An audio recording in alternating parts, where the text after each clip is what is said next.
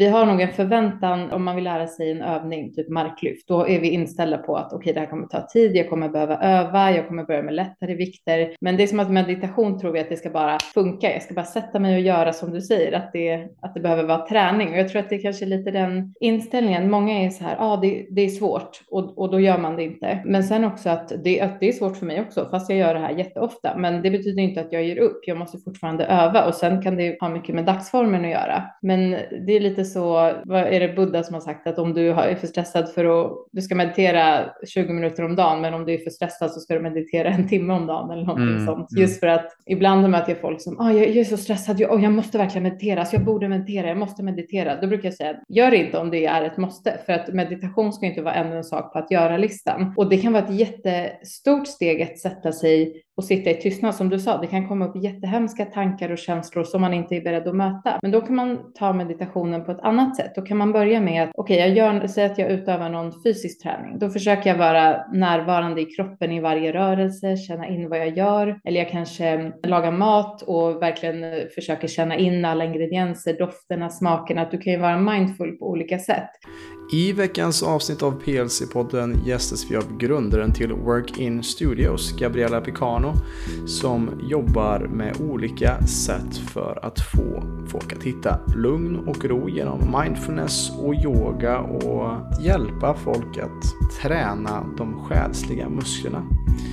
Och i detta avsnittet så snackar vi just om Work-In som för er som lyssnar på podden mycket känner till vid det här laget säkerligen. Men Work-In är ju saker som ger energi till motsats till vad workout gör.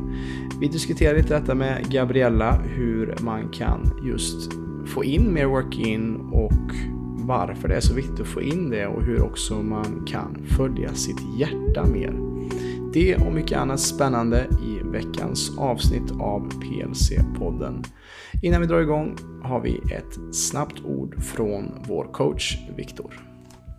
Jajamän, vi har ju numera ett eh, samarbete då som innebär i praktiken att eh, du som PLC-medlem eller lyssnare av podden får 20% på hela Pureness sortiment om du handlar från deras sida och använder koden PLC-podden i ett ord när du checkar ut i kassan där.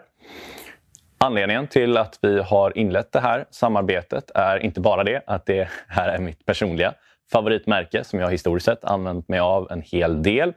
Utan det är att eh, detta är ett företag som har liknande grundvärderingar som vi på PLC har. De står för inga tillsatser och onödigheter, vilket ju jag anammar mycket kring maten. Och ja, kosttillskott är någonting du stoppar i dig så det ska du se precis samma som du ser på mat. Det ska inte vara några konstigheter, inga saker som du inte skulle få för dig att stoppa i dig.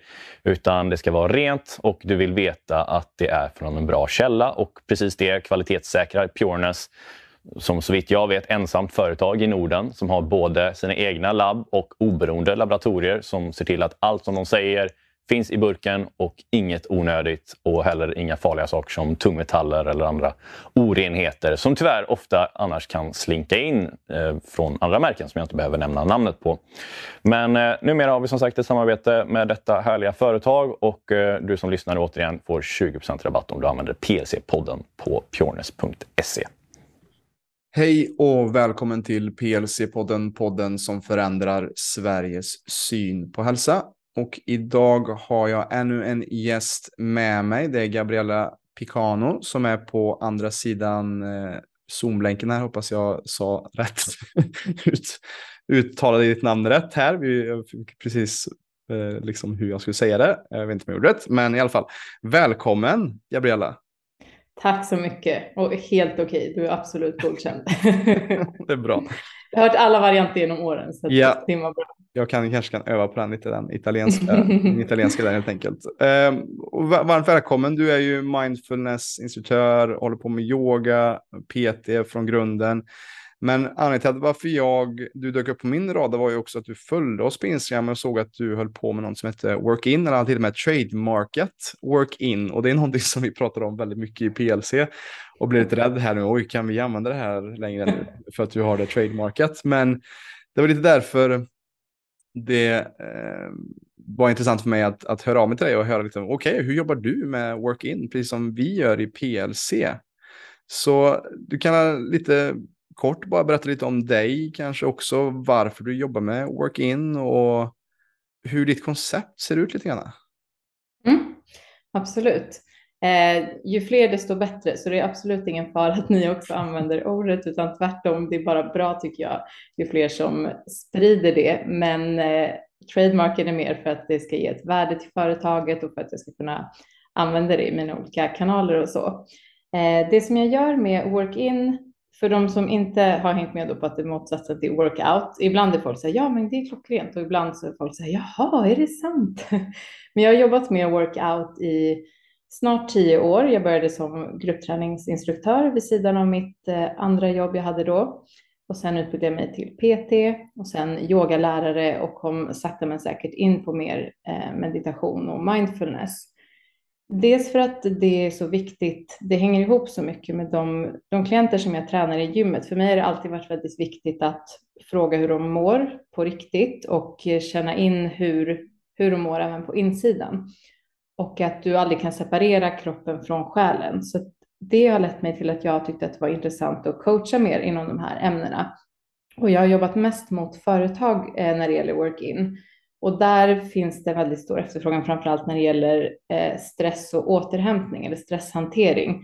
Just att få stanna upp och få meditera. Och många kanske tycker att det är svårt det här med meditation, vilket jag förstår. Men sen vill jag säga att mindfulness och närvaro, det behöver inte alltid handla om just meditation, att du sitter stilla, utan det kan ju mer handla bara om att du blir medveten om det du gör. Så att det som finns inom mitt eh, work-in-koncept, det är eh, events. Det är onlinekurser som jag lanserar inom kort. Eh, en podcast som kommer i höst och sen kommer jag göra en del retreats och resor. Men man kan säga att själva konceptet går ut på att vi jobbar inom olika teman starta med en meditation och sen jobba med olika reflektionsfrågor. Så det är egentligen som att du får skriva dagbok. Du får en chans att stanna upp och reflektera kring olika frågor. Just det. Det låter som ett eh, gediget koncept faktiskt. Och vad jag är intresserad också är hur, hur startade din resa med det här själv då? Att du startade med workout och den bit som kanske är vanligast när det kommer till när folk jobbar med hälsa och, eh, och personlig utveckling kanske. Men vad, vad var det som gjorde att du skiftade och ville hålla på med, med meditation, mindfulness, yoga och att ge det till företag? Mm. Det är en bra fråga, för för mig har träning nästan alltid varit som en spirituell aktivitet. Jag har väldigt stark kontakt till liksom min känslomässiga, min andliga sida, men jag har tränat och rört mig ända sedan jag var liten för det har varit ett sätt, det har varit som en meditation för mig. Men jag har, hade du frågat mig för några år sedan hade det varit omöjligt att jag skulle sitta stilla och meditera för jag tänkte att nej men det är jätteskön mental träning att röra på sig, styrketräna, dansa, springa, simma, you name it. Men just det här att sitta stilla hade jag liksom inte riktigt fastnat för. Eh, och sen eh, egentligen så tror jag att det är väl ofta så att saker kommer till en när man behöver dem. Så att det var mm i början av, precis innan pandemin, så fick jag en vän som också mediterar en eh, så här, tror jag Deepak Chopra 21 dagars meditationsutmaning typ på Spotify. Och så tänkte jag, ja ah, men eh, kul, vi kör den här. Eh, och samtidigt så träffade jag min kille som höll på väldigt mycket med meditation så att vi, vi mediterade tillsammans typ så på tredje dejten eller någonting, vilket jag var så här, gud, vad kan man göra så här? Och det det var bara sån, ja, jag kände som att jag kom hem på något sätt, som att okej, okay, nu förstår jag vad folk menar med det här och att jag förstår att det finns, eller för mig i alla fall, ett värde även i en, en tyst och stilla meditation. Den aktiva meditationen ger mig någonting annat, men det här gav mig något sätt att komma ännu mer bort från, från mitt huvud, från mitt mind. Så att det var egentligen på den vägen så började jag utforska det lite mer och sen utbildade jag mig och eh, tycker om det här att jag alltid tyckt om att liksom, hålla klasser men det har alltid varit väldigt hög energi och tempo och mycket fart och det finns någonting fint i att få hålla klasser och få hålla det här lugnet för folk och få se folk slappna av och vila. Jag, jag älskar det för det är en härlig kontrast mot att bara peppa igång folk. Eh, vi är så bra på det ändå, att peppa oss själva och vara snabba och göra allting, men ofta är vi ganska dåliga på att vila så det är fint att få hålla det för folk. Mm. Ja, det, det kan jag hålla med om att, att det, är någonting som också behöver tränas på, det är att vila. Att det, det, Mm. det blev en sån överstimulerad, överstimulerat samhälle där det ska göras mer och mer och vi eh, Anledningen till att många bränner ut sig är ju att det är för mycket, för mycket input och för mycket hård träning och för mycket press och krav och stress. Och jag är också nyfiken på vad, vad har det gett dig när du liksom ramlade över meditation eh, lite mer här för några år sedan? Vad har det gett dig i ditt liv? Vad har det gett för extra facett i ditt liv? Eh, hur ser du att ditt liv har förändrats från det att du har inkorporerat mer work in i ditt egna liv och din vardag? Jag tror att alltså de senaste åren, för om jag tänker på det här med intryck som du sa, så har jag haft perioder, ofta har det hängt ihop när jag varit väldigt stressad, att jag, om jag ser tillbaka på min dag, har jag inte haft liksom en stund som det var tyst. Jag har börjat dagen med att kanske kolla mejlen, kolla mobilen, jag har jobbat med människor hela dagen, jag har lyssnat på musik eller podd vägen dit och hem, jag har kommit hem, satt på tvn i bakgrunden, liksom aldrig haft eh, stillhet. Och då är jag ändå en person som tycker väldigt mycket om att vara själv. Jag har sällan liksom några problem att vara själv med mina egna tankar. Men jag vet inte om det var liksom vad som kom först, om det var meditationer eller att jag mer började bli mer mindful i min vardag. Det här att kunna kanske vara lite mer utan intryck. Nu har jag nästan aldrig hörlurar när jag går någonstans för att jag har redan så mycket intryck i mitt jobb. Jag har alltid musik, jag har alltid människor, jag pratar alltid med folk. Så jag tror egentligen att det kom från ett behov bara att få de pauserna. Det var som ett behov inom mig att jag längtade efter det. Sen vet jag inte om meditationen kanske förstärkte det, för det jag tycker om med, med meditation och mer, vad ska man säga, stillsam meditation, det är att Eh, dels att man kan försätta sig i ett tillstånd. Jag kan ändra mitt tillstånd, men jag tycker också att det är lättare om jag kanske vill visualisera någonting eller komma, det blir som en som ett djupare stadie som man hamnar i, som att man nästan försätter sig själv i lite hypnos. Sen ibland, ibland går det jättelätt, ibland går det inte för man har liksom bara tusen tankar. Eh, men på något sätt så, jag uppskattar nu att det här att sätta mig ner och försöka stänga ute allt och ibland gör jag det med guidning, ibland gör jag det med tystnad, ibland har jag någon musik, men jag uppskattar det på ett sätt jag inte gjorde förut och det tror jag egentligen innerst inne bara kommer från ett starkare behov, men att jag också faktiskt lyssnade till det behovet och inte tryckte undan det. Var det svar på frågan? Det känns som det är lätt att sväva iväg här för det är så mycket att prata om. Ja, men det, det är jättekul att höra bara. Och, och just det där tycker jag också är så intressant det här med att, att många kan ha svårt att meditera som du säger också ibland. Att man ibland kanske inte hittar sitt state of mind eller att ah, men det funkar inte för att jag kommer inte dit. Och det, det är också en träningssak och det är ingen garanti att, att många försöker också, precis som ha mål i livet, att man försöker ha ett mål med meditation, att det ska göra mig lugn och harmoniserad. Ibland kan det vara tvärtom, att det drar upp saker från botten av, av din, din själ eller kropp som Gud, du ja. inte kollat på.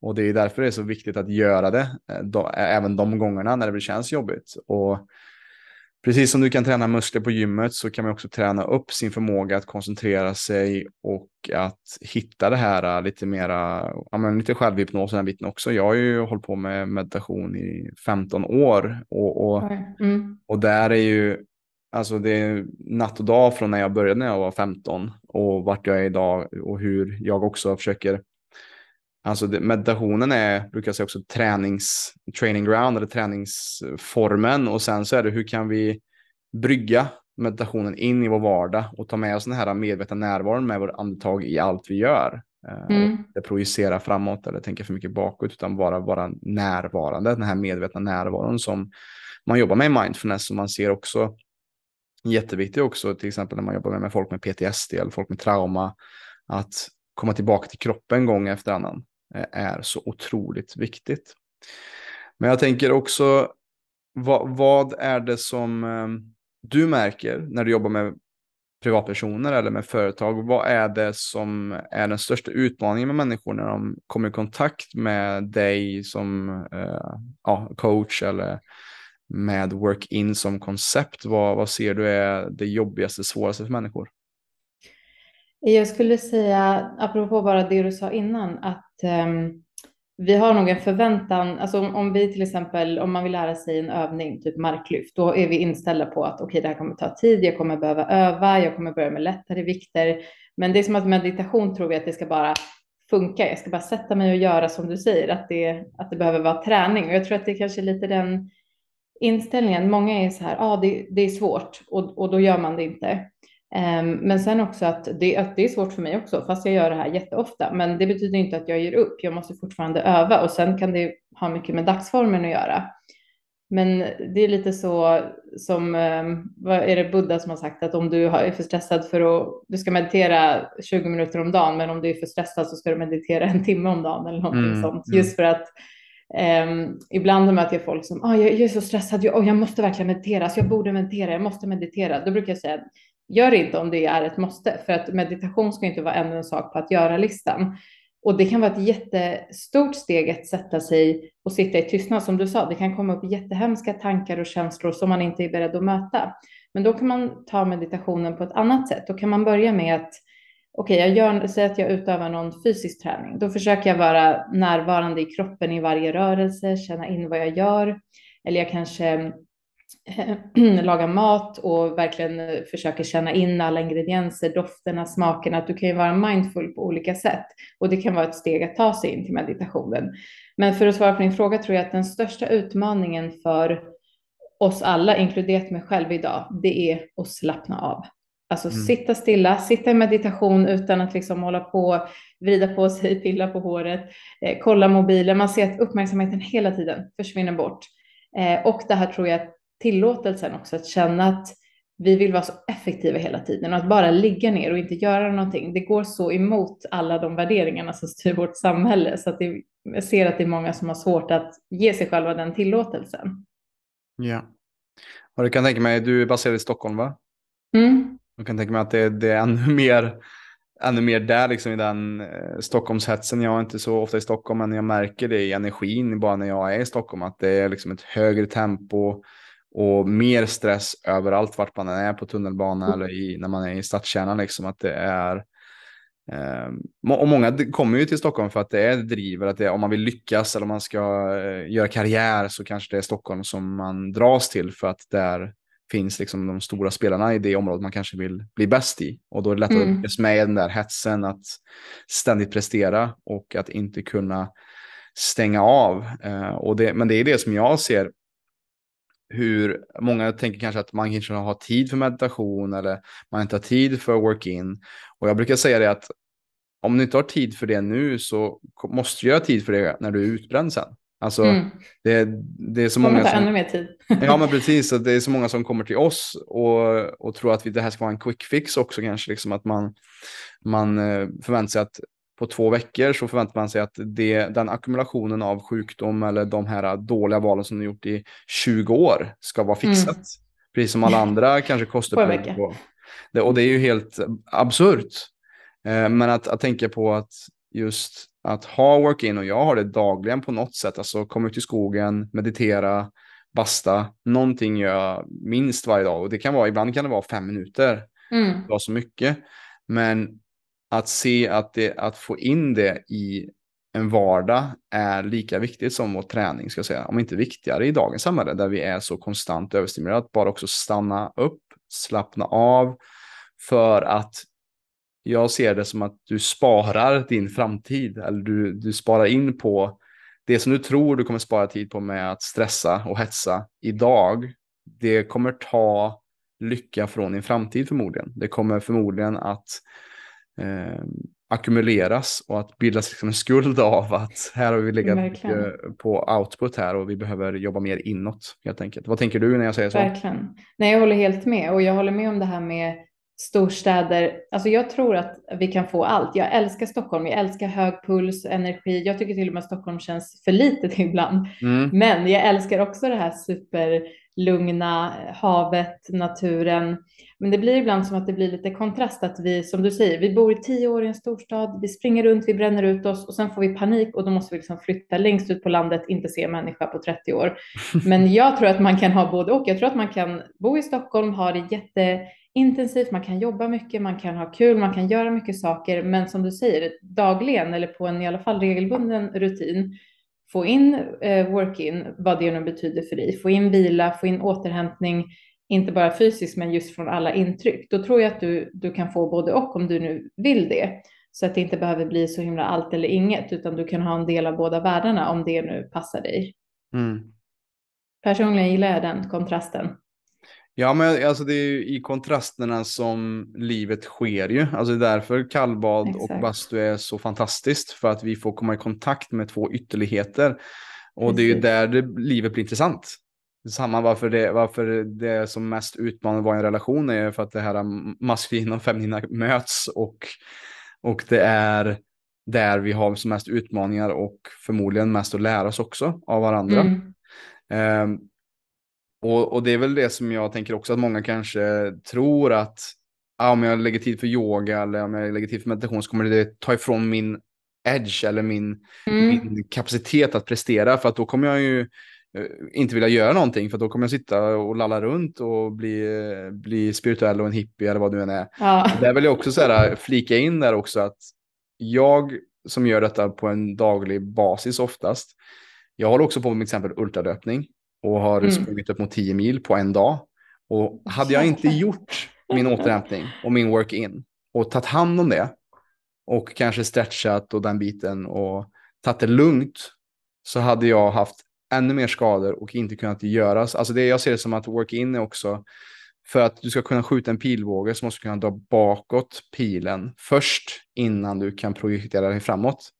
Vad många gör när man Mm. inte gör work-in är att man, man har en halvspänd båge och du får halvdana skott framåt. Medan när vi stannar upp, tar det lugnt och ser livet från ett mer rationellt ställe och, och ett mer grundat ställe så tar vi också bättre beslut, vilket gör att vi kommer att undvika att göra dumma beslut som kommer kosta oss energi, pengar, eh, relationer, vad det nu kan vara.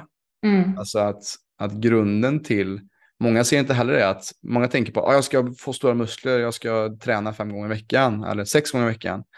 Men glömmer bort att inse att all anabol aktivitet sker i vila. När Mm, vi sover, ja, ja. när vi äter mycket vatten, när vi dricker eh, rejält med, eller äter, äter, mycket, äter bra mat och, och dricker mycket vatten. Och att all träning är katabol, det är nedbrytande. Mm. Och det är efteråt, det är i avslappningen, det är i återhämtningen, det är i sömnen som vi verkligen blir starka. Ja, men precis. Och det gäller ju hjärnan också. och Alla liksom bra idéer och alltså hur kreativ är man när man har sovit fyra timmar per natt i en vecka? Det är ju samma sak med det mentala. Men det är så fin liknelse som du säger där med pilbågen. Och jag älskar att du säger det här att, ja men återigen att allting får finnas. För jag, alltså jag hatar att bli indelad i, i fack när någon ska Mm. placera en i ett fack och det här med etiketter. Men när jag var yngre så var det så mycket viktigare. Eller jag trodde liksom att okej, nu är jag, jag jobbade i PR-branschen och då var jag liksom, okej, jag är en karriärsperson. Jaha, okej, men ska jag bli PT? Okej, då ska jag vara en sån PT-gymperson. Går det liksom att byta? Och sen, aha, nu håller jag på med yoga, men då kan man inte, då kan man inte också gilla att så här, ja men jag vet inte, äta kött och dricka vin, eller man kan inte gilla att springa, eh, utan, eller jag vet inte, lyfta tungt i gymmet, nu säger jag töntiga exempel, men det här att vi måste vara på ett visst eh, Ja. sätt. Jag tycker om när det kommer någon som man så här, jaha, håller du på med det där? Det är så uppfriskande att det inte behöver se ut på ett visst sätt eller vara på ett visst sätt eller just att du kan få ha både och.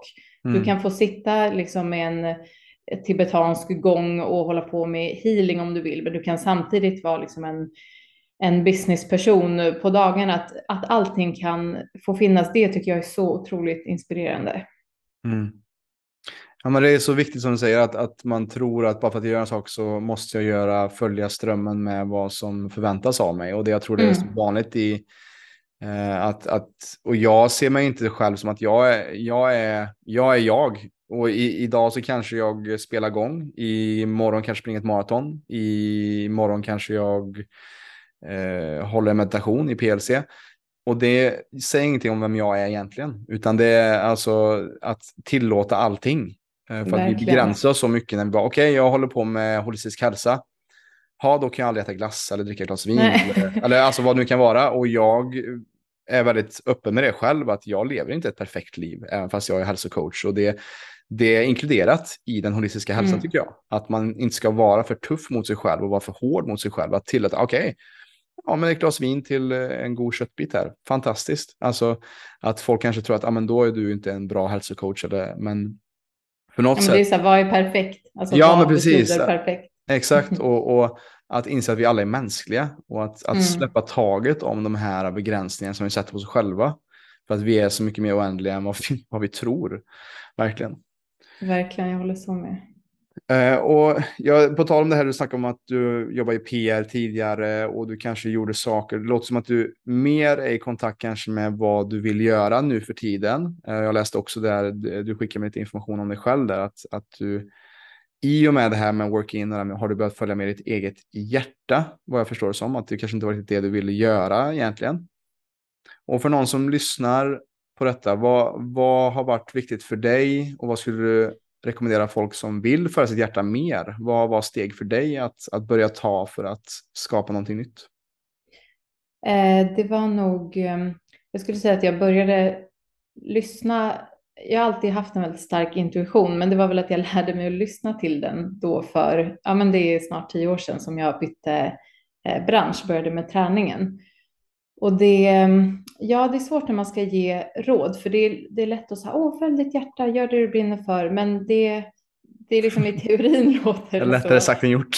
lättare sagt än gjort, Japp. men jag tror i mitt fall så var alltså skavet jag kände var så starkt att jag till slut inte kunde ignorera. Jag tror att det är samma som när man blir utmattad, att du börjar få symptom, jag vet inte, du kanske har ont i huvudet och sen så får du yrsel och sen så börjar du se dåligt, kroppen försöker liksom tala om för dig och till slut när du inte kan gå upp ur sängen, okej, då måste du lyssna.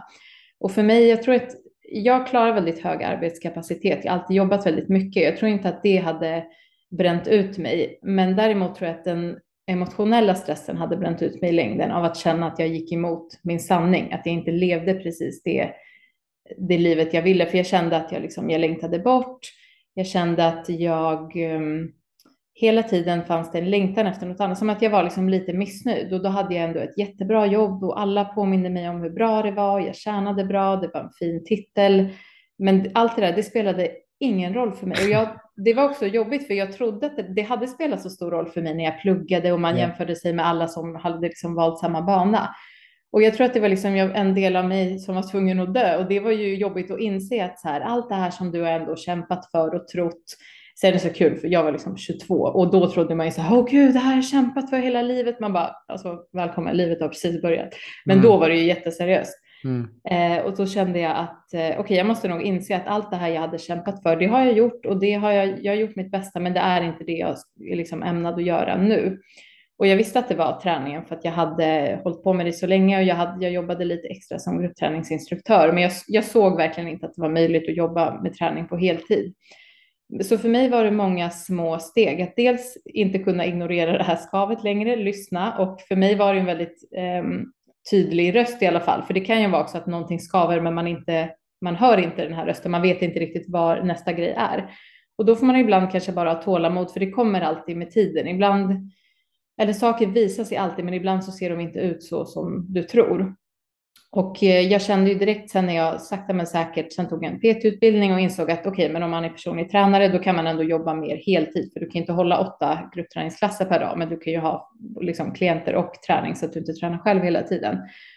Och när jag, jag, jag jobbade jättehårt i början och liksom kämpade för att kunna göra det här på heltid och det, det lönade sig, men jag orkade också jobba så mycket för att det var min passion och jag kände att okej, okay, nu följer jag mitt hjärta. Nu gör jag det som liksom känns bra. Sen är det klart att man ska aldrig jobba måndag till söndag, men man orkar ju göra det ett tag. Men det är sånt skifte att känna att det liksom, okej, okay, men det här är min väg. För att du kan jobba fem timmar per dag med någonting som verkligen inte känns rätt. Det spelar ingen roll hur mycket återhämtning du har, du kommer ändå inte må bra. Exakt. Nej, men det, det, där är ju så otroligt viktigt tycker jag också det här som du är inne på här nu att många kanske frågar sig hur ska jag ta mig tag, tag i detta? Hur ska jag göra detta? Utan att ställa sig frågan varför eller vad det är vi mm. vill göra. Alltså när vi har ett starkt nog varför, vad det är vi vill skapa, så kommer du hitta vägen. Du kommer hitta mm. dina hur för att om du bara börjar, du måste börja någonstans. Mm. Och när vi börjar ställa oss frågan, den här djupare frågan som du säger, att någonting pockar på och varför eh, eller vad, det är, vad är meningen med, liv, med livet? Vad är det jag vill göra faktiskt? Då kommer vi hitta hur vi kommer göra också. Men det kommer ta tid. Det kommer ta mm. mycket, eh, mycket imperfect action som man brukar säga. Alltså mycket, mycket lärdomar, mycket misstag längs med resans gång. Och det är det som är så intressant också här, att du sa att du fick nästan dö till dig själv lite grann, att det var en återfödelse att, att jobba med någonting nytt. Och det är så många som tror jag kan känna igen sig i det, att man, man klättrar upp för en stege och så kommer man upp till toppen på stegen och så inser man att den har stått mot fel vägg hela tiden. Mm. man, måste, man måste ner igen och, och klättra upp för, aha, det var inte, den här, det var inte det här berget jag skulle upp för. Fan. Nej. Nej men exakt, jag har blivit mycket mer tillåtande med mig själv med det också. Att, att jag var mycket mer hård när jag var yngre och så här, okej okay, nu väljer du det här, då måste du göra det för att jag har liksom alltid varit en så otroligt duktig flicka. Har man liksom tagit ansvar för något, då fullföljer man det och jag hade bestämt och alla andra alltid.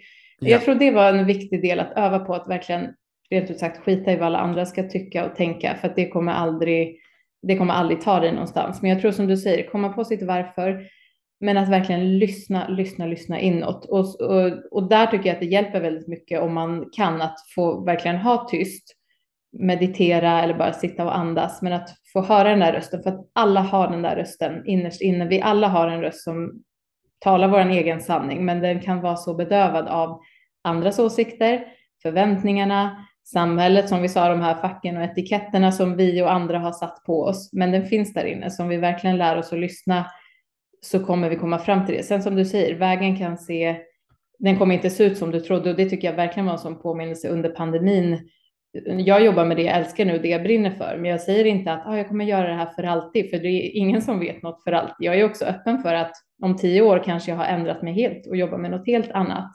Också för att vi inte längre kan förvänta oss att vi planerar livet, ja, så kommer någonting och bara rycker undan mattan. Det, det är bara en påminnelse om att släppa kontrollen, för det, mm. det finns inget vi kontrollerar.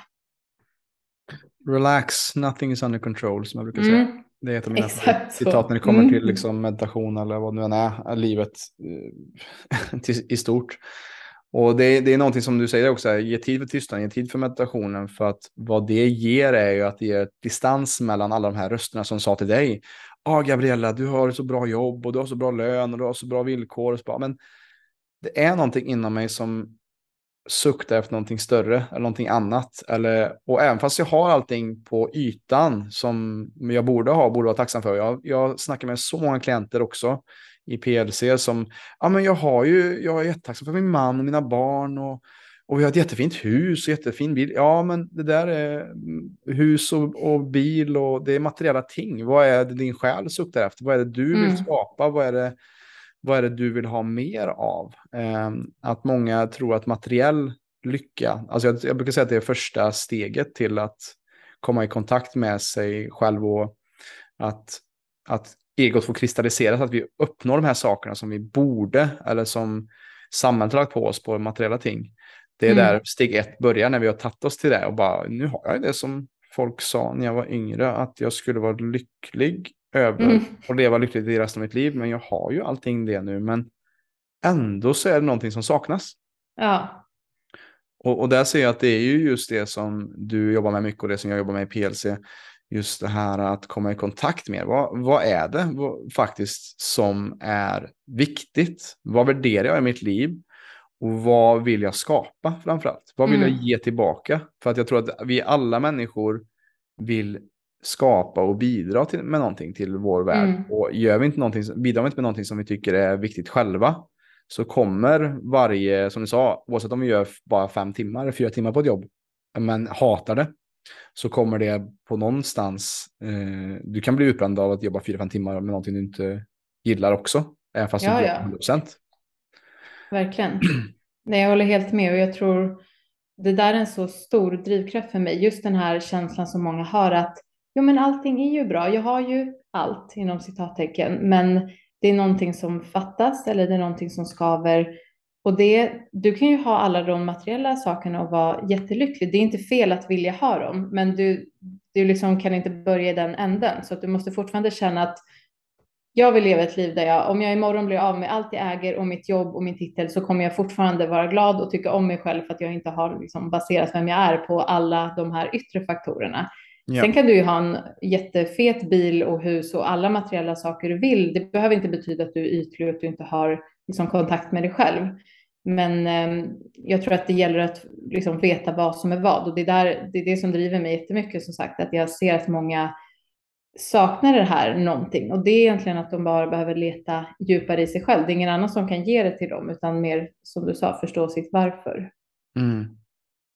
Ja, men precis. Att, eh, som du sa också där precis nu, att, att bara för att man har en fet bil eller ett fin, fint hus så kan det, det behöver inte betyda att man är ytlig eller materiell, utan det kan bara vara en del i att man inte, men att inte vara för fäst vid det materiella. Att se att det inte det är inte det som kommer eh, att liksom få dig att vara lycklig. För att det, det är det all marknadsföring bygger på. Ofta säger att vi ska försöka få våra konsumenter att känna att om du inte köper den här saken så kommer ditt liv vara mm. fattigare.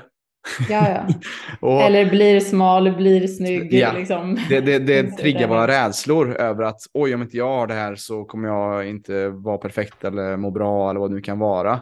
Det är det oftast marknadsföring gör. Att det, och hade alla varit nöjda med vad de har och vad de gör så hade vi inte haft en sån konsumtionshets med att det, vi bränner våra pengar på saker som vi inte behöver och jobbar ett jobb som inte tycker om ens för att ha råd med de sakerna som vi vill ha. Alltså, det är ingen som tjänar pengar på att du är harmonisk och mår bra och lycklig. Tyvärr. Nej, det, det, är ju, det är ju lite som jag säger också att, att eh, har jag nog sagt tidigare i andra poddavsnitt också, att jag hade helst inte velat ha det här jobbet. För att jag hade helst velat se att folk var hälsosamma, balanserade och harmoniska. Men det krävs en röst där ute i samhället som lite hjälper folk att komma mer till balans. Eh, och det är det som jag brinner för att göra. Och det är ju fantastiskt också på ett sätt att, att, att den passionen som vi har i PLC, att vi får använda det och hjälpa andra Verkligen. att inspirera. Men jag är också intresserad lite på vad, vad du tänker kring, eh, jag skrivit lite frågor här och hur, hur, kan vi bli lika bra på att prioritera vila som träning tror du? Vad, vad saknas där i folks liksom, medvetande nivå där? Hur skulle vi kunna bli bättre på att prioritera vila? Mm, det, den är ju lite, mm, vad ska man säga, den har två sidor, för samtidigt, vi är ju väldigt, alltså vi sitter ju väldigt still i Sverige, vi är väldigt dåliga på att röra oss generellt. Ja. Så det, men det är ofta det är liksom fel personer som tar till sig när man säger att här, vi måste träna mer för alla mår så dåligt. Då är det de här som redan tränar fem dagar i veckan som börjar träna ännu mer. Ja. Det är inte de här som liksom aldrig har gått en promenad som börjar träna. Eh, så att um, det är liksom, vi, vi, får inte glömma bort den delen, men eh, det är mer de här personerna som är väldigt prestationspersoner. Alltså det är dels vila från träningen, men det känns som att många som tränar har den förståelsen att liksom, jag behöver vila. Man känner det om inte annat fysiskt i kroppen, men det är inte lika lätt att att stanna upp kanske just med det mentala. Men jag skulle säga ett sätt att alltså, plocka bort intryck är bra. Försöka mm, hitta sina olika strategier för att inte mm, jag, för mig tycker jag att det hjälper med stressen att inte göra massa saker samtidigt. Inte kanske lyssna på en podd och samtidigt eh, svara på ett sms. Typ om jag pratar i telefon med en vän. För några år sedan då gick jag alltid liksom runt och skulle vara effektiv, plocka diskmaskinen samtidigt. Alltså det är sjukt störigt, man hör massa ljud i bakgrunden. Så nu mm. sitter jag ner, pratar i telefon, vilket låter så här jättebanalt. Det var det man gjorde när man var liten och hade en hemtelefon. Men jag tror bara sådana små saker där du så här, nu gör du det här. Du kan prata i telefon en halvtimme. Du kommer hinna allt annat också och sen kan du plocka ur diskmaskinen och sen kan du, jag vet inte, städa badrummet. Att du får liksom göra en sak i taget. Absolut, du kanske hinner lite färre saker, men du kommer göra dem med en annan kvalitet. Så jag tror att det kan vara ett sätt, om man nu känner sig väldigt stressad, så kan det vara ett sätt. Och sen eh, hitta kanske att man eh, ja, hittar sina sätt med att inte kolla mejl, kanske det första man gör eller sent på kvällen, sociala medier, hitta det sättet för att inte hela tiden om du tänker att din uppmärksamhet är så värdefull att har du uppmärksamhet på någonting så vill du behålla den där. Men om den hela tiden blir splittrad för att den dras iväg om någonting, då kommer du ju få sämre kvalitet i uppmärksamheten. Så att um, sådana små saker, det behöver inte vara att du börjar med att du mediterar 20 minuter varje dag, för jag vet att det är ett stort steg att ta. Mm. Ja, men det, det, kan det verkligen vara. Och, och det här som du sa också med att, som du gjorde tidigare, att du multitaskade mycket. Att du försökte få Mm. Få till så mycket som möjligt under ja, att göra flera saker samtidigt. Det är också någonting som jag inser mer och mer att som du säger att kvaliteten av våra handlingar blir oftast bättre om vi gör en sak i taget. Eh, och Mm. misstag som många gör att man tror att man ska göra saker snabbare för att man gör det två saker samtidigt. Vilket Mm. gör att oftast får man städa upp efter sig själv för att man, Mm. man inte har gjort det tillräckligt. Och, och samma med om man ska jobba eller vad det nu kan vara, kan det vara bra att bara lägga bort mobilen på flygplansläge i ett annat rum. Bara för att ha det Mm. här fulla fokuset, för du kommer få mer gjort om du inte bara, samtidigt som du är på Messenger och ska svara på jobbmejlen, att du gör en sak i taget. Men det är någon, någonting Ja. med oss att vi har blivit popcorn, alltså som Anders Hansen också säger, popcornhjärnan, liksom att vi, det är någonting som tar vår uppmärksamhet hela tiden. Och det är mitt tips till alla som lyssnar, börja med att sätta på ljudlöst läge på mobilen och stänga av aviseringar på alla Mm. sociala Mm. medier. För att du kommer, om du bara skulle stängt av sociala medier en dag så märker du att aha, jag missar faktiskt inte så mycket viktigt. Men det är att vi tror att vi behöver hänga med. Mm. Eh, och jag märker själv det att, eh, att jag sugs in i det också i algoritmerna och att sitta och scrolla i stort sett varje, varje dag också. Men att hitta sätt och vanor att inte tappa så mycket tid i det. För att då har vi också mer tid till det som vi kanske inte säger att, tror att vi har tid till. Alltså med meditation och den biten. Att Exakt. det finns alltid tid. Frågan är vart du prioriterar. Ja men gud ja. Och så, det är inte så att vi som jobbar med det här är helt perfekta. Alltså, jag var hemma sjuk en dag förra veckan och jag tror jag gick in på Instagram liksom 200 gånger. Till slut var jag Mm. så här, okej det kom för att man är så uttråkad. Det Mm. kommer inte ha hänt någonting nytt. Men jag tror att vi, liksom, vi är ändå så pass nyfikna eller dedikerade att vi i alla fall hittar alla de här olika sätten. Vi testar olika verktyg och sen vill vi dela med oss till Mm. andra. Mm. Men, eh, men det är svårt för att alltså, jag tror också ibland att ja, jag kan sitta med datorn och jobba och så har jag typ en serie på i bakgrunden och så tror jag att jag ska hänga med i serien. Jag tror verkligen det, fast jag fattar att jag inte kan göra det. Och då är det så här, men stäng bara av den ena. Jag kollar på serien eller sitt med datorn. Ja. Så det är hela tiden en, en liksom lärdom, men man måste ju öva. Man kan ju inte ge upp så fort det blir jobbigt. Jag vill äga min uppmärksamhet. Jag vill inte känna att det är liksom Mark Zuckerberg eller någon annan på tv som äger min uppmärksamhet, utan jag vill äga den. Jag vill bestämma när jag ska rikta den vart. Det tycker jag är Mm. att ta makten över sitt eget liv.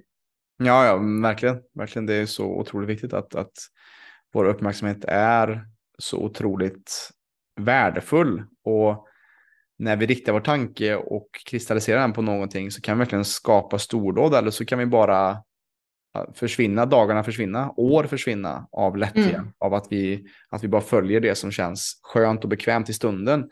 Och det är i, samma, i sin tur också bygger upp, också upp en ackumulation av dåliga beslut som i din, alltså det är de, alla de dåliga besluten i din vardag som leder till ohälsa eller att folk behöver ha kontakt med dig eller mig eh, i det långa loppet. Precis. Och jag tänker också så här, vi, på PLC snackar vi work-in, så snackar vi om till exempel eh, bastu, gärna i kombination med kallbad, meditation, yoga, tai chi, qigong, komma ut i skogen, få kontakt barfota mot marken, eh, att kanske göra något handarbete, skriva dagbok. Det finns olika sätt man kan just komma i kontakt med work-in tycker jag själv. Mm. Vad är de främsta områdena som du, du håller på med mindfulness och yoga och eh, kontemplation verkar också vara just att skriva lite kring livet och så. Vad, vad använder du mer för sätt att komma i kontakt med eh, ja, vårt djup och, och vårt inre och med hjälp av work-in? Eh, så som jag ser det, jag definierar work-in som bara, vad ska man säga, de mentala och själsliga musklerna. Så till exempel yoga för mig är mer workout, men Mm. det, alltså, det där är ju en definition. Det är, men bara för att förklara hur jag jobbar. Mm, Ehm, men om man kan säga för mig handlar work-in om egentligen tre viktiga delar och det är att lära sig ehm, stanna upp och lära sig vila eh, så att vi sen kan nummer två komma i kontakt med våra känslor eller kontakt egentligen med känslorna och kroppen för det är den som är vi. Och så att du sen i steg tre kan bygga ditt liv precis så som du vill det så att den då är baserad på den här intuitionen och din eh, längtan, det du verkligen vill göra. mm, Så det är så som jag coachar eh, klienter. Men sen vad gäller work-in, jag älskar sådana här, alltså bastu och kallbad. Det är ingenting jag gör regelbundet. Jag önskar det. Jag hatar kyla, men jag älskar verkligen bastu. Eh, sen så har jag börjat lite mer med breathwork, vilket jag tycker är jättehärligt. Jag lyssnade på ditt avsnitt med Anders Olsson och precis läst eh, den boken med Mm, James Nestor. härligt. Det är så intressant vilken Mm. kraft som finns i andetaget. Ehm, Ja, men så det är väl, eh, jag skulle inte säga att jag har så mycket sådana eh, ritualer just nu, men jag skulle gärna vilja skapa lite mer av den typen av aktiviteter också. Ja, just det. Precis. Det är liksom allt som är den själsliga hälsan på något sätt. Ja, men jag gillar hur du definierade just den här mentala och själsliga hälsan. Och, och jag kan väl tillägga lite hur vi ser också på PLC, också, eller som Paul Check också säger, som vi har eh, fått det konceptet från kan man säga. Han säger också det att om man mer fysiskt så är en work-in kontra work-out, det är workout är något som höjer impuls, som höjer ditt blodtryck och som också får dig att svettas eh, och att liksom få det. Det kan man också känna, som vi säger med workout, om, det, om du vill veta balans mellan work-in och workout så blir du torr i munnen, eller alltså att du börjar svettas och blir torr i munnen då är det workout och när du kör work-in så är det liksom att pulsen inte ska höjas, inte svettas. Eh, men jag gillar hur du också definierar just med det här mentala och själsliga planet där också. Att det är ju mm. det, det som är jätteviktigt också. Och vad har du för frågor då för folk du jobbar med? Hur kommer du, får du folk att komma i kontakt med sitt inre? Med det andliga eller själsliga som du säger. Vad, vad, har du, vad ställer du för frågor till folk i de här eh, övningarna som du har? Mm.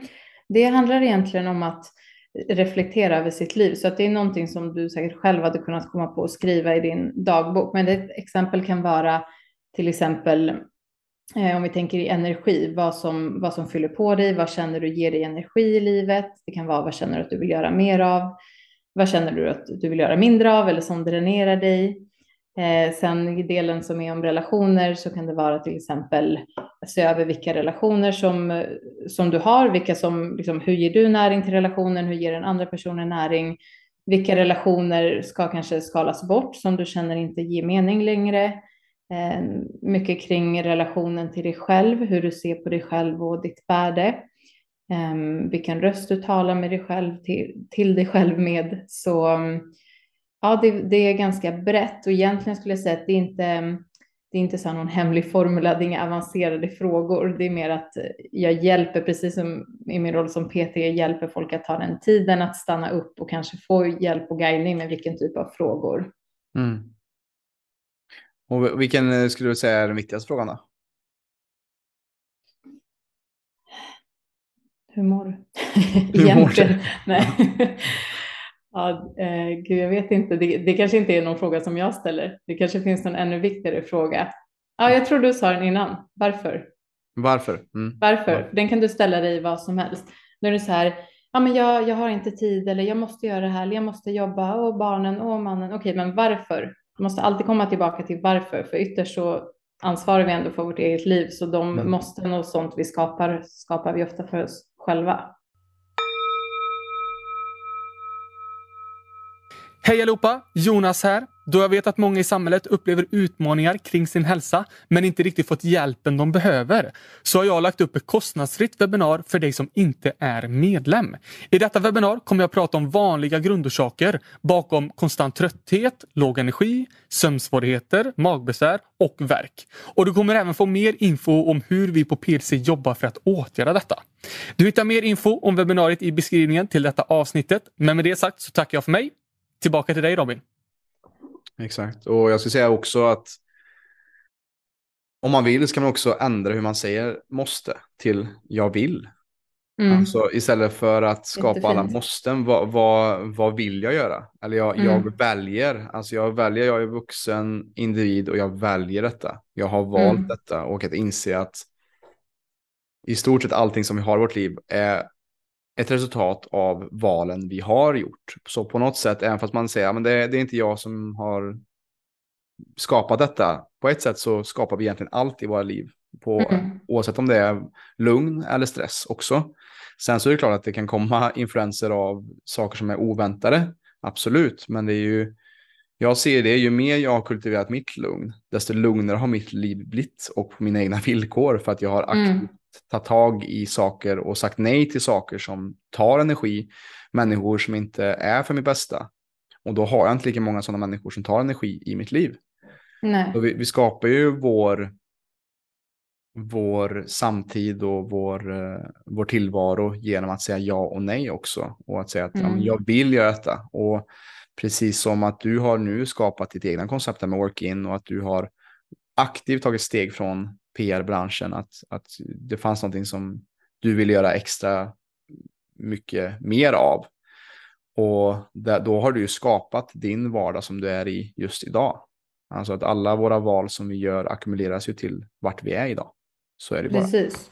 Och det är så viktigt det där som du sa att säga nej, för jag tror gränssättning, det är nästan det och känna våra känslor, det borde vi lära oss i skolan, att kunna mm. säga också nej, oavsett om det är kanske till en, till en middag eller till ett jobb, att kunna säga nej utan att vi måste alltid förklara oss eller ha en anledning eller hitta på en vit lögn. Att det skulle vara, för jag, jag jobbar själv jättemycket med det, med gränssättning. Jag tycker att det är jätteutmanande. För att man, dels för att jag vill så mycket saker, så jag skulle jättegärna kunna säga ja till allting, men jag har lärt mig att jag kan inte göra det för att det blir på bekostnad av min hälsa. Mm. Men också att det, det handlar om att respektera sig själv och allt ifrån då i ett, eh, säga, till, säga nej till ett jobbuppdrag där du får liksom för lite pengar som inte matchar ditt värde till att säga nej till eh, någon som bjuder in dig på en fest som du inte vill gå på just då. Det betyder inte att det har inte att göra med den personen eller liksom någonting sånt, men jag tror att just öva gränssättningen är också en viktig del. Absolut. Det är ju, säga att det är också en, just det här hur ordet nej och avsaknad av nej. Jag tror att det är också en av de största anledningarna till att vi, de vi jobbar med också. Vi jobbar främst med, med kvinnor som mm. har tagit allt för mycket ansvar och ska göra allting och vara supermamman och superkarriärkvinnan mm. och säga ja, ja, ja. Eh, och att kunna lära sig säga nej tror jag skulle kunna resultera i mer hälsa än vad man tror faktiskt. Mm. Och att jag la precis ut det på våra egna sociala medier här häromdagen att glöm inte bort att du behöver inte ha en anledning till varför du säger nej. Nej. Alltså du, du, behöver inte, du behöver inte ha en elaborerad ursäkt för varför du inte kan just idag eller just med den här personen. Du kan bara säga nej och det har ingenting med personen att göra. Och Precis. att ett nej till någon annan är ett ja till dig själv och din egen tid. Mm. Eh, och att som du säger också att det behöver inte vara personligt. Som, precis som eh, den här boken, De fyra grundstenarna, The Four Agreements, har också en punkt där. Det är en väldigt kort bok men väldigt bra. Eh, de fyra grundstenarna av Don Miguel Ruiz, Ruiz tror jag. Mm. Där mm. en av punkterna är ta ingenting personligt. Alltså Nej. att allting som, alltså oavsett vad den än är, även fast det är lätt att man tar saker personligt så sker ju eh, hur folk tolkar saker som vi säger. Du kan ha två personer i samma rum som hör exakt samma sak från mig, men tar det på helt olika sätt. En kan bli glad, en kan bli ledsen. Mm. Så att det har ingenting med vad jag säger till personen, utan det är hur de tolkar det och hur de tar det personligen som spelar roll. Mm. Beroende på vad det är man levererar för nyheter. Liksom. Ja, men precis. Och det är så intressant just med maskulin och feminin energi som jag vet att du har pratat om i en del tidigare avsnitt också, vilket jag tycker är Mm. Väldigt fint. Och jag jobbar också med eh, främst kvinnliga klienter, kanske 95 procent. Mm. Eh, och tyvärr med många som är eller har varit utmattade. Och det, eh, nu vet jag inte om, jag tror att det är fler kvinnor än män som bränner ut sig, men i vilket fall tror jag att det är det här med att eh, vi är så mycket den maskulina energin och speciellt mm. kanske i Stockholm. Jag har själv varit där liksom, jag har väldigt mycket feminin energi som jag under många år tryckt ner för att man är på männens arena och man ska liksom träna jättehårt och jobba jättehårt och liksom, jag har dåligt samvete att jag inte har också gått upp klockan fem och tränat, men jag älskar att sova. Liksom. Jag vill helst gå upp klockan tio och jag kan göra det nu utan dåligt samvete, mm. men det är så här, ah, det är bättre att gå upp tidigt. Nej, det är det inte alls. Och speciellt inte för oss kvinnor som också ändras under månaden. Någon vecka kanske jag kan gå upp klockan fem, men någon vecka så vill jag sova liksom 18 timmar per dygn. Men det som är det intressanta är just det här att tillåta sig, för jag är ju halvitaliensk och jag tycker bara i Italien, det kan man ju nästan till och med se på kvinnor, att den feminina energin får liksom finnas på ett helt annat sätt. Det är liksom en, man känner i hela landet har en, mycket mer feminin energi, men just för det konst och skönhet och eh, det som jag brukar skämta om som heter dolce far niente, det är liksom the sweetness of doing nothing, att bara få tillåta sig att inte göra någonting. Det här meditativa finns lite mer i vardagslivet och tillåta sig att som kvinna, jag lyssnade på dig och Johanna Hector, hon pratar ofta väldigt mycket fint om feminin energi, det här att våga ta emot. Att mm. vi inte alltid behöver bara göra och ge som jag tror att många kvinnor känner, speciellt om man både har barn och karriär, utan att få ha det maskulina och det feminina men att du får liksom hitta den balansen så att du inte heller bara trycker ner den ena och går för mycket in i den andra. Och det gäller ju för båda. Du har egentligen inte ens med kön att göra, utan det har mer att göra med energierna. Jag tror att vi behöver respektera dem mer. Ja, och livet blir ganska platt om det blir liksom en... Om vi går för mycket in i... Om det inte blir den här polariteten som vi pratade om förut, då blir det också det ganska tråkigt. Mm, och, eh, samma eh, allting blir samma. Eh, så det, det där eh, håller jag med om verkligen. Alltså just att det här att som en work-in, att kunna ta emot och be om hjälp och säga nej. Och det går lite på in i samma grej där också. Att, mm. att be om hjälp, fråga eh, och be om support. Att inte alltid ska göra allting själva. Eh, nej, precis. Inte lägga så mycket prestige och vara duktig hela tiden. Ja, precis. Och, och det är lite, jag tror också som i i Sverige tror också att, att det är bra att vi har det jämställt, men det blir också just att, att, att som du säger, att det blir, det kan bli också konstigt på ett sätt också där, att det blir det här, blir en sån, eh, det kommer för nära varandra, maskulin och feminin mm. på något sätt, att det blir liksom att då, ja, det är svårt för mig att, och lite hur jag ska säga detta, men, men att, att det blir liksom en, det blir inte en respekt av de polariteterna som finns på något sätt.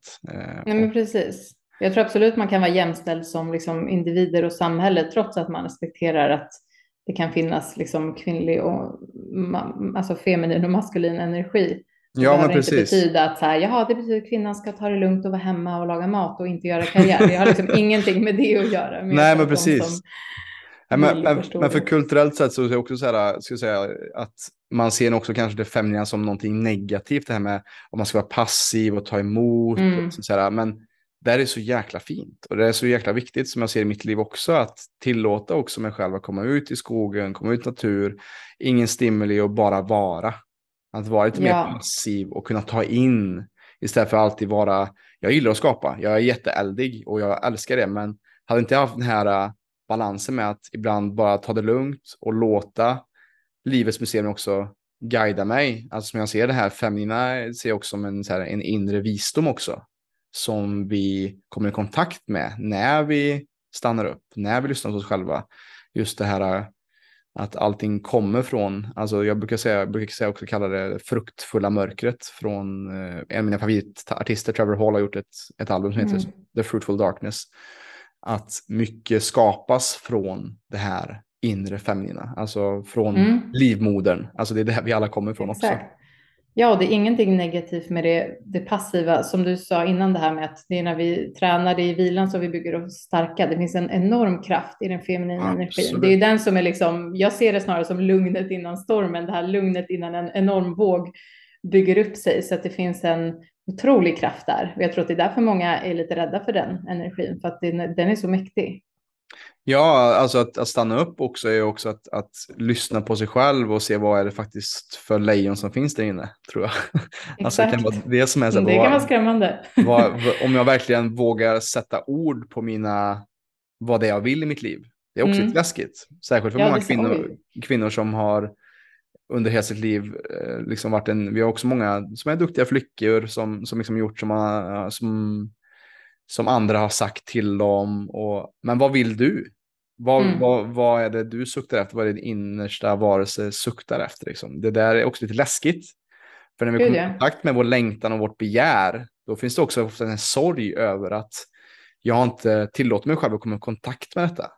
Mm. Jag har dansat efter andras pipor allt för länge. Så det är lite läskigt att komma i kontakt med det här för att man kanske kommer på att oj, det här hade jag ju behövt göra för länge sedan hur många år har jag inte försakat på att göra vad andra tycker och tänker istället för att ja, följa mina egna begär och min, egna, min egen lust och passion och glädje i livet. Ja, verkligen. Och då kan det bli så här, men gud, har jag tillgång till allt det här? Ja. Vilket sen kan bli helt fantastiskt om bara låta det explodera. Men ja. Det, ja, det är verkligen intressant. Ja, det, det, det är oändligt ska jag säga. Mm. Just, just det som finns i det feminina. Um, och så viktigt. Och varför jag har, det är därför jag gör work-in. Jag ser det också som alltså, just den här polariteten med maskulin feminint också, att, att maskulint är mer action go och, och feminin är mer det receptiva och jag tillåter det i mig själv. och det gör att jag blir en bättre balanserad man också. Ser det som också. Mm. Även fast det, det, är en work in progress ständigt och kommer vara till den dagen jag kliver i graven. jo men så, så är det för alla. Vi är här i skolan. ja, precis. Livets hårda skola. Exakt. Men, men Gabriella, jag är också så här, vårt mål med den här podden är ju hur kan vi förändra Sveriges syn på hälsa? Vad, vad kan vi göra för att eh, skapa en bättre och hälsosammare befolkning? Mm. Så där är jag nyfiken på, vad, vad ser du med det du jobbar med? Vad, om du får drömma lite med det du jobbar med, var, var skulle du vilja se det mer på en större skala kanske? Eller hur tror du att vi skulle kunna förändra Sveriges syn på hälsa med det arbete som du gör? Jag skulle vilja se det eh, tidigare i åldrarna i skolan, som är bland barn och unga. Nu jobbar jag ingenting liksom, alls med skolor eller så, så jag vet inte hur, exakt hur det ser ut. Men eh, jag vet ju hur skolsystemet är uppbyggt. Jag skulle vilja se både mer tid för workout och work-in i skolan, men kanske workout i lite mer modern form, inte bara i form av skolgymnastik där man ska testa på massa idrotter, utan mer hitta lekfullheten i rörelse, för det är egentligen det det handlar om, att lägga en grund för att du som barn ska tycka att det är kul att vara ute och röra dig. Och jag tror att det är nog en ännu större utmaning för föräldrar idag än till exempel när jag var liten för att man var ute och lekte för man, det fanns inga iPads. Mm. Men um, också det här med att få öva på Ehm, komma i kontakt med våra känslor, lära oss eh, sätta gränser, lite så här hantera alltså hur, hur det är att vara människa. För sen så kastas vi ut i världen och många mår dåligt av liksom olika orsaker, av trauman man har varit med om, av stress, av liksom tusen olika anledningar. Och det som är vägen idag, tyvärr, i Sverige, det är att liksom, okej, okay, du går till läkaren, du får antidepressiva utskrivna lättare än vad du får typ antibiotika när du har halsfluss. Och så, så är det liksom tack och hej.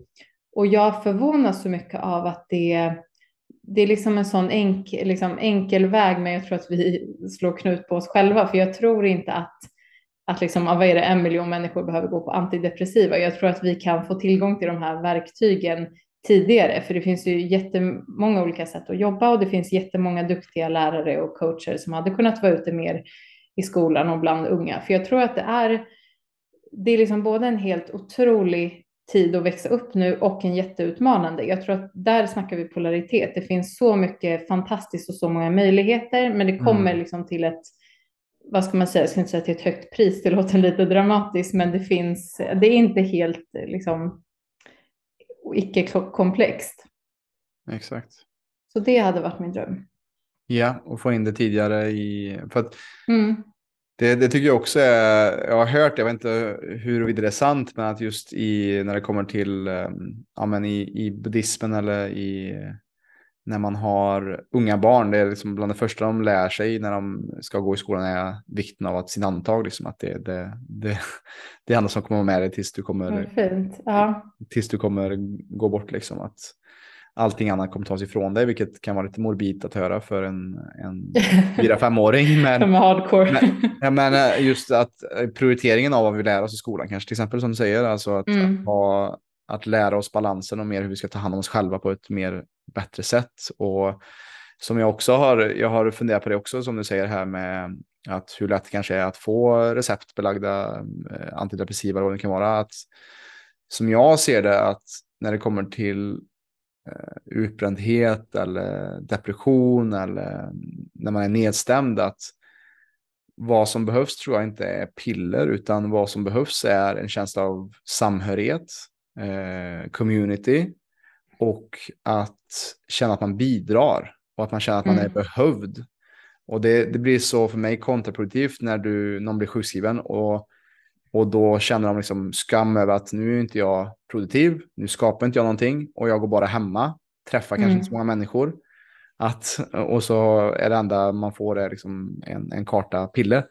Mm. Eh, att jag tror att det hade varit mer hälsosamt att få folk som är sjukskrivna kanske, men att de kanske skulle få en work-in-kurs med Gabriella. Eller att de kanske får eh, komma ut i ett, eh, eh, vad heter det, eh, en kolonilott kanske med tio andra mm. utbrända och få plantera lite växter och känna att de har någonting att gå upp för, att någonting att skapa ihop med.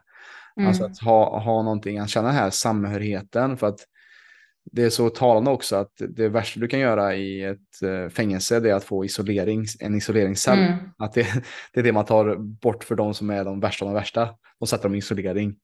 Eh, och det säger ganska mycket om hur viktig vår mänskliga kontakt är för att vi också ska läka ihop också. Verkligen. Och att ha ett syfte, ha någonting som eh, gör att vi är värt att gå upp för. Det ser man också med de som centurianerna som lever i de här blåa zonerna så är det just det. Man ser också en känsla av samhörighet, man mm. har sin egen mat, man har motion, man har en tro på någonting större än sig själv. Alltså att se det från en större och helhetsperspektiv än det här binära. Okej, okay, du har en, en komponent i din hjärna eh, som du behöver liksom hjälp med den här tabletten och så kommer det vara bra sen. Mm. Eh, att se det mer från ett, ett större perspektiv och eh, ett mer komplext perspektiv som du också var inne på. Att det är inte, alltså, som den värld vi lever i också, det är inte som du sa också, det är en av de bästa tiderna att leva i. För att världen är så öppen på många sätt att vi kan kommunicera, du och jag, Eh, via tekniken här, att du sitter i Stockholm och jag är på västkusten. Och att jag skulle kunna ringa någon i USA eller någon i Thailand eller vad det nu ska vara. Att det finns så mycket möjligheter i dagens samhälle, men det finns också så mycket utmaningar som vi behöver lära oss och komma ihop och eh, brottas med. Eh. Verkligen. Jag tror det är viktigt där du säger med liksom, gemenskapen eller community också, att det, tror jag häromdagen, jag kommer inte ihåg vilken podd jag lyssnade på, där de pratar om att vi, som du sa, vi är så uppkopplade, vi har så lätt att komma i kontakt med vem som helst på en sekund. Mm. Och samtidigt är vi kanske lite liksom, disconnectade både från oss själva, för att det är lättare att gå in i liksom, och prata med någon kanske på sociala medier än vad det är att lyssna in till sig själv ibland. Det är liksom yeah. ett mindre steg.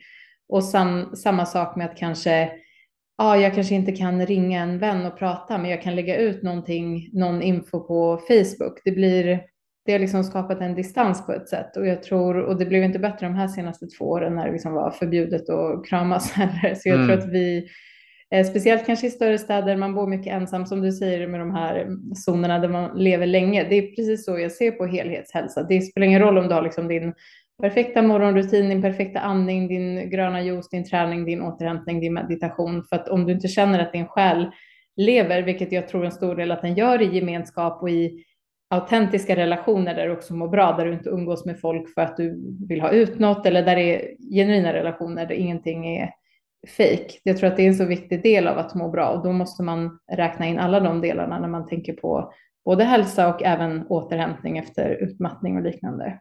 Mm.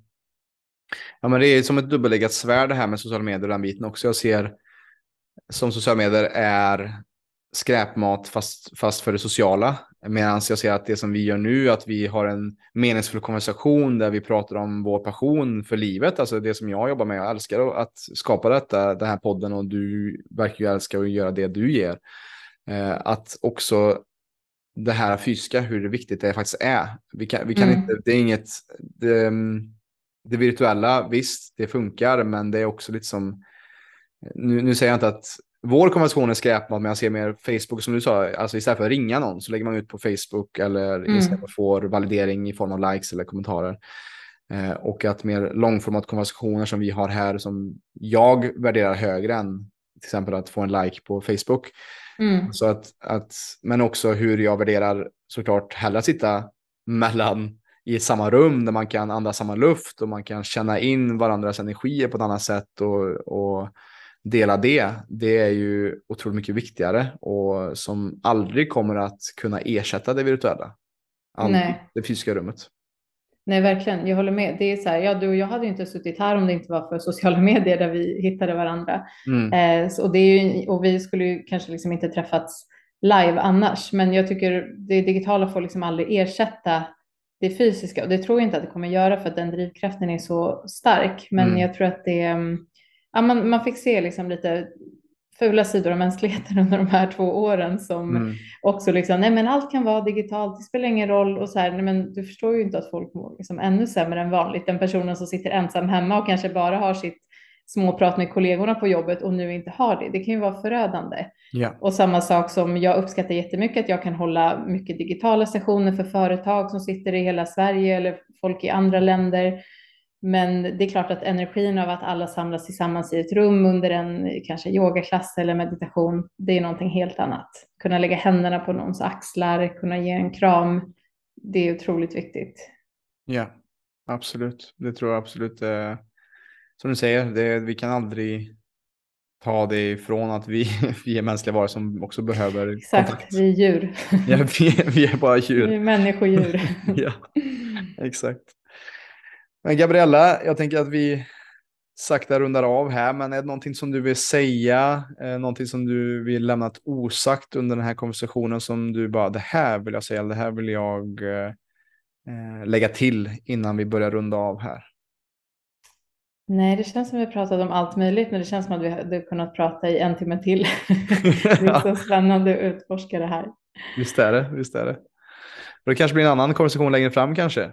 Precis. Eh, men, men tills dess då, hur, hur hittar folk dig, Gabriella, i Stockholm? Eller om någon vill jobba med dig, om man lyssnar på detta och har ett företag och man kanske vill boka dig eller som privatperson, man vill komma i kontakt med, med eh, Workin mer. Ehm, och också som du sa, du håller på att lansera en kurs också. Berätta lite om vart man hittar dig och det du håller på med. Ja, eh, min kurs som heter Lev livet med mer närvaro lanseras den eh, 12 september, så om ett par veckor, eh, på plattformen Corsio. Så att eh, jag kommer lägga ut all info. Lättast är nästan att hitta mig på Instagram, så Gabriella eh, understreck Picano eller Workin Studios. Och workinstudios.com är också hemsidan som är ute men lite under uppbyggnad. Men där finns i alla fall all basic info om det som sker just nu. Så att eh, även ett fysiskt event den sjätte i Stockholm. Så då har vi ett work-in event som eh, kommer vara eh, lite meditation och sen reflektionsfrågor och eh, möjlighet att samlas. Så hör gärna av dig om du på något sätt vill få kontakt. Jag tycker att det är jättekul. Ja, och självklart så lägger jag för alla lyssnare som hör detta så lägger vi också detta i beskrivningen av det här avsnittet så du kan kolla på detta i lugn och ro så att du inte behöver skriva ner vad, vad de sa. Hur var det efternamnet nu igen? ja, exakt. Precis. Uh, ja, uh, så, så att kika in de länkarna som jag kommer att bifoga i det här uh, beskriven till det här uh, samtalet. Och med det då Eh, som vanligt som jag rundar av de här avsnitten med. Har det varit intressant, har varit inspirerande, har det varit kul att få ta del av det här eh, perspektivet kring work-in som Gabriella och jag har diskuterat. För all del, dela med dig av det här avsnittet så att vi med stadig, rask takt kan förändra Sveriges syn på hälsa. Tack för idag, Gabriella. Och tack så jättemycket. Detsamma. Stort tack för att du har lyssnat på detta avsnittet av PLC-podden. Om du som lyssnare är intresserad av att få bättre balans på din kropp och hälsa så kan du gå in på www.plclub.se. Där kan du göra en gratis hälsoundersökning och läsa mer om hur vi hjälper människor på ett holistiskt sätt att skapa mer energi, få igång förbränningen och minska värk. Alltså www.plclub.se. Vi finns även på Instagram, YouTube, Spotify och Facebook at Premium Lifestyle Club om du vill ta del av mer gratis material. Stort tack för din tid här med oss.